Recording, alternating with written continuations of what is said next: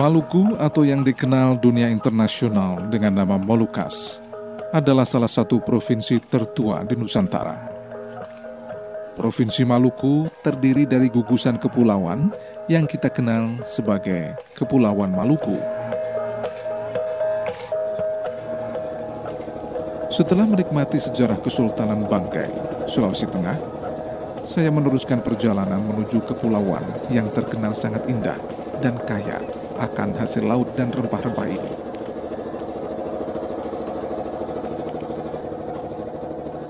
Mitra Muslim, tanpa terasa saya sudah hampir sebulan meninggalkan Surabaya.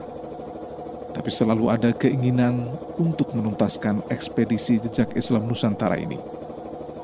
Saya meyakini perjalanan ini merupakan bagian untuk memahami agama Islam karena Al-Quran tidak hanya memerintahkan kita untuk memperhatikan perkembangan sejarah manusia, tetapi Al-Quran juga menyajikan banyak kisah. Dan saya masih ingat benar apa yang pernah dikatakan pakar sejarah peradaban Islam, Budi Asari. Kalau disebut sejarah, tiba-tiba hadir di benak kita ini masa lalu. Padahal masa lalu itu luar biasa. Dalam Islam masa lalu itu harus menjadi titik tolak untuk kita maju ke depan. Hasan putra Ali bin Abi Thalib radhiyallahu anhu Hasan itu mengatakan bahwa kami diajari sejarah seperti kami diajari satu surat dalam Quran. Kalau dulu bahasa sebenarnya bukan sejarah. Bahasa asli Hasan adalah magazin Nabi. Jadi kami diajari tentang sejarah perang-perang Nabi Muhammad SAW seperti kami diajari salah satu surat dalam Quran. Nah ini e, menunjukkan luar biasa karena dalam Islam pelajaran Quran itu pelajaran utama di dunia pendidikan. Berarti artinya begitu hampir disejajarkan antara sejarah dengan Al-Quran. Nah, disejajarkan itu yang menunjukkan seharusnya sejak awal sejarah itu sudah masuk. Dan ini juga pelajaran mahal dari Al-Quran. Karena Al-Quran itu sepertiganya adalah sejarah. Maka dari itu harusnya di usia-usia anak-anak awal itu justru harus kuat pelajaran sejarahnya. Sejarah Islam. Nah, itu satu. Yang kedua adalah kalau anak-anak kemudian merasa tidak asik dengan sejarah, saya aneh. Karena semua kita senang diberi cerita, diberi kisah satu. Yang kedua, hanya PR kita. Kenapa kita tidak asik? Karena kita tidak terlibat dalam sejarah. Kita coba, oh itu masa lalu, oh itu udah sekian abad yang lalu, oh itu tidak sama dengan zaman saya sekarang, ya kan? Jadi jauh sekali. Makanya bagaimana mengajar sejarah agar hari ini kita yang diajari ikut terlibat seakan masuk ke dalam.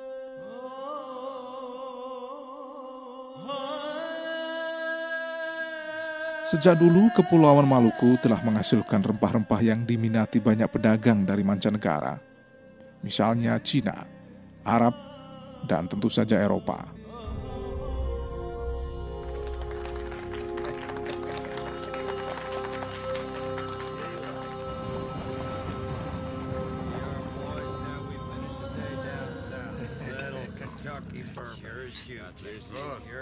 Di masa lalu, Maluku terdiri dari beberapa kerajaan dan kepulauan. Di antaranya Ternate, Tidore, Mokir, Makian, Bacan, dan Jailulu. Salah satu kerajaan besar dan mempunyai peran penting dalam perdagangan rempah-rempah dunia adalah kerajaan Ternate. Kesultanan ini merupakan salah satu kerajaan paling berpengaruh di Nusantara bagian timur. Pada masa jayanya di paruh abad ke-16, berkat perdagangan rempah-rempah dan kekuatan militer, wilayah Kesultanan Ternate membentang luas, meliputi Maluku, Sulawesi Utara, Sulawesi Timur, Sulawesi Tengah, sebagian selatan Filipina, bahkan mencapai Kepulauan Marshall di Pasifik. Pengaruh Kesultanan Ternate juga meresap hingga berbagai bidang kehidupan, seperti pada sistem pemerintahan, perdagangan, militer, transportasi laut, hingga ragam jenis kuliner. Khusus dalam sistem perdagangan, sebagai sebuah kerajaan bercorak Islam, Kesultanan Ternate dulu menggunakan sistem nilai tukar dirham dan dinar. Koin emas dan perak waktu itu menjadi mata uang yang digunakan rakyat Ternate. Pemerintahan dan rakyat Ternate menolak menggunakan uang kertas yang dipaksakan VOC dan Hindia Belanda. Gini di bawah kepemimpinan Sultan Mudafar Shah II, Kesultanan Ternate kembali menggunakan emas dan perak sebagai nilai tukar ekonomi di wilayah kesultanannya. Sultan Mudafar Shah II telah mendeklarasikan dinar dan dirham sebagai mata uang resmi Kesultanan Ternate. Menurutnya, kedua mata uang itu bernilai tinggi dan bisa digunakan masyarakat luas. Berat emas untuk satu dinar adalah 4,25 gram emas. Sedangkan untuk berat perak pada satu dirham adalah 2,975 gram. Penggunaannya bisa untuk berbagai keperluan. Ya, saya perintahkan pada rakyat untuk mulai memakai dinar karena saya sendiri akan meluncurkan dinar dan dirham. Nanti saya punya orang-orang akan datang mau beli barang-barang dengan dinar atau dirham kasih ini, ini nanti ditempel di tokonya. Jadi orang-orang yang mau pakai dinar bisa ke sini. Tidak ada masalah sebenarnya.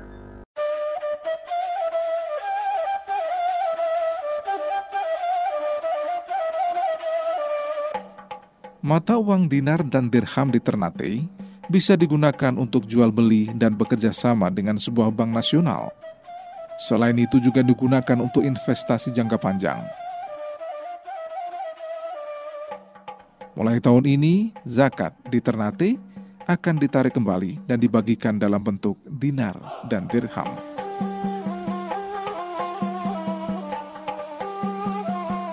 Relawan World Islamic Min atau WIM, Umar Asmun mengatakan, dinar dan dirham Kesultanan Ternate berada dalam payung dan mengikuti standar World Islamic Min bersamaan dengan dinar dan dirham dari beberapa kesultanan lain, yakni Kesultanan Kelantan Malaysia, Kasepuhan Cirebon, dan Kesultanan Sulu Filipina, akan berlaku umum sebagai mata uang universal dengan moto satu umat, satu mata uang. Emas dan perak ini telah diguna, diguna pakai oleh manusia sejak beribu-ribu tahun. Hanya kebelakangan ini mereka telah menggunakan uh, wang kertas jadi ini adakah kita akan kembalikan balik emas dan perak sebagai mata wang. Ini ada satu trend baru eh. Bukan saja di Asia ni tapi juga di Amerika dan juga di Europe uh, adalah trend untuk kembalikan balik uh, perak dan emas sebagai satu mata wang. Apa yang dinamakan wang syariat ni adalah sebahagian dari harta dan juga boleh digunakan untuk jual beli dan dia boleh digunakan untuk simpanan, dia boleh digunakan untuk mahar mas kahwin dan juga dituntut oleh syariat untuk membayar zakat melaluinya. Jadi banyak dia punya fungsi-fungsi yang telah diterima pakai selama ni beberapa ribu, ribu tahun. Hanya kita mengembalikan balik apa ni kegunaannya dan kita sebab kita tahu wang kertas itu akan runtuh.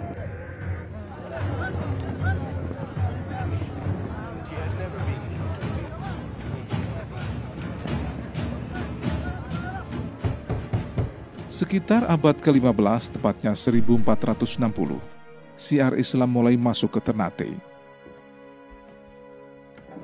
Raja pertamanya adalah Fungi Tidore.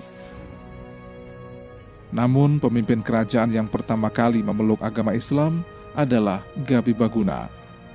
Sebagaimana yang dikatakan oleh pengelana F. Valentin yang datang ke Tidore beberapa tahun kemudian, Gabi Baguna masuk Islam atas dakwah dari seorang saudagar asal Jawa bernama Maulana Husain, sehingga namanya diganti dengan marhum.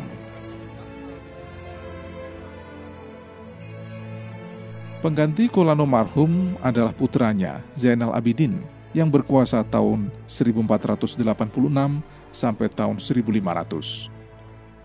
Beberapa langkah yang diambil Sultan Zainal Abidin adalah meninggalkan gelar Kolano dan menggantinya dengan sultan.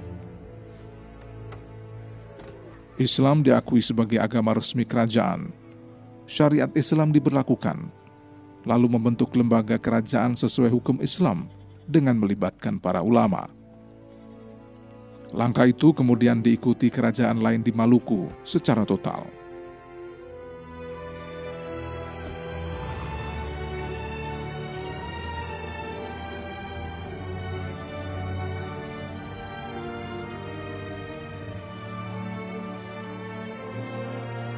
Sultan Zainal Abidin juga mendirikan madrasah pertama di Ternate. Ia tercatat pernah memperdalam ajaran Islam dengan berguru kepada Sunan Giri di Gresik dan dikenal sebagai Sultan Baulawa atau Sultan Cengkih. Sejak lama kerajaan Ternate menjalin persahabatan erat dengan kerajaan Tidore karena keduanya merupakan satu keturunan, termasuk di antaranya adalah kerajaan Jailulu dan Bacan. Namun setelah masuknya bangsa asing yang berhasil mempengaruhi pemerintahan, akhirnya kerajaan satu dengan yang lain saling bermusuhan.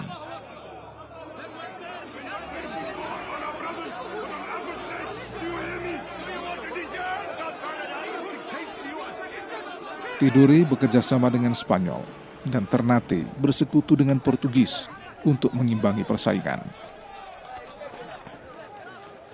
Akibat persekutuan itu, maka permusuhan kerajaan Ternate dan Tidore semakin tajam, bahkan menyebabkan terjadinya peperangan antara keduanya yang melibatkan Spanyol dan Portugis. Dalam peperangan itu, Tidore dapat dikalahkan oleh Ternate.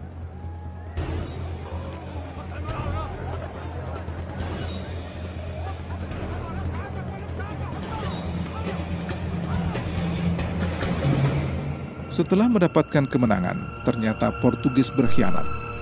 Mereka memanipulasi hasil rempah-rempah di Ternate. Hal itu menyebabkan kemarahan Sultan Koirun. Akhirnya ia mengangkat senjata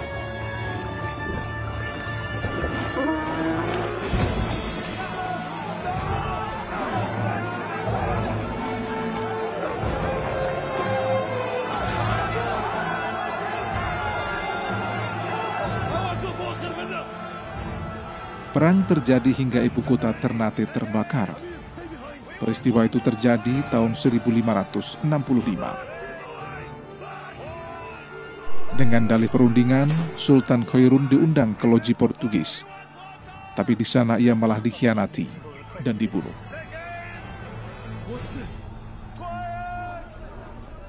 Posisi Sultan digantikan oleh Babuloh. Sultan yang baru itu terus mengadakan perlawanan pada Portugis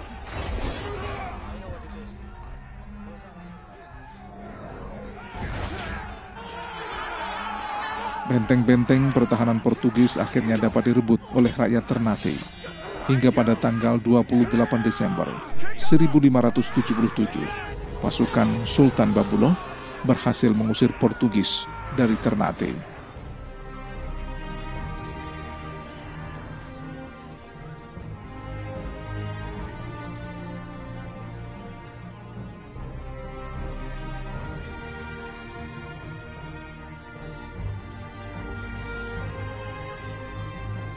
Sepeninggal Sultan Babuloh, kerajaan Ternate mulai melemah. Spanyol yang telah bersatu dengan Portugal di tahun 1580 mencoba menguasai kembali Maluku dengan menyerang Ternate. Dengan kekuatan baru, Spanyol memperkuat kedudukannya di Filipina. Ternate lalu menjalin aliansi dengan Mindanao untuk menghalau Spanyol, namun gagal. Bahkan Sultan Said Barakati berhasil ditawan Spanyol dan dibuang ke Manila. Kekalahan demi kekalahan yang diderita memaksa Ternate meminta bantuan Belanda di tahun 1603. Kerajaan Ternate memang sukses menahan Spanyol, namun dengan imbalan yang amat mahal. Belanda akhirnya secara luas perlahan-lahan menguasai Ternate dan melucuti kekuasaan Sultan hingga akhirnya menguasai perdagangan rempah-rempah di Ternate selama hampir 300 tahun.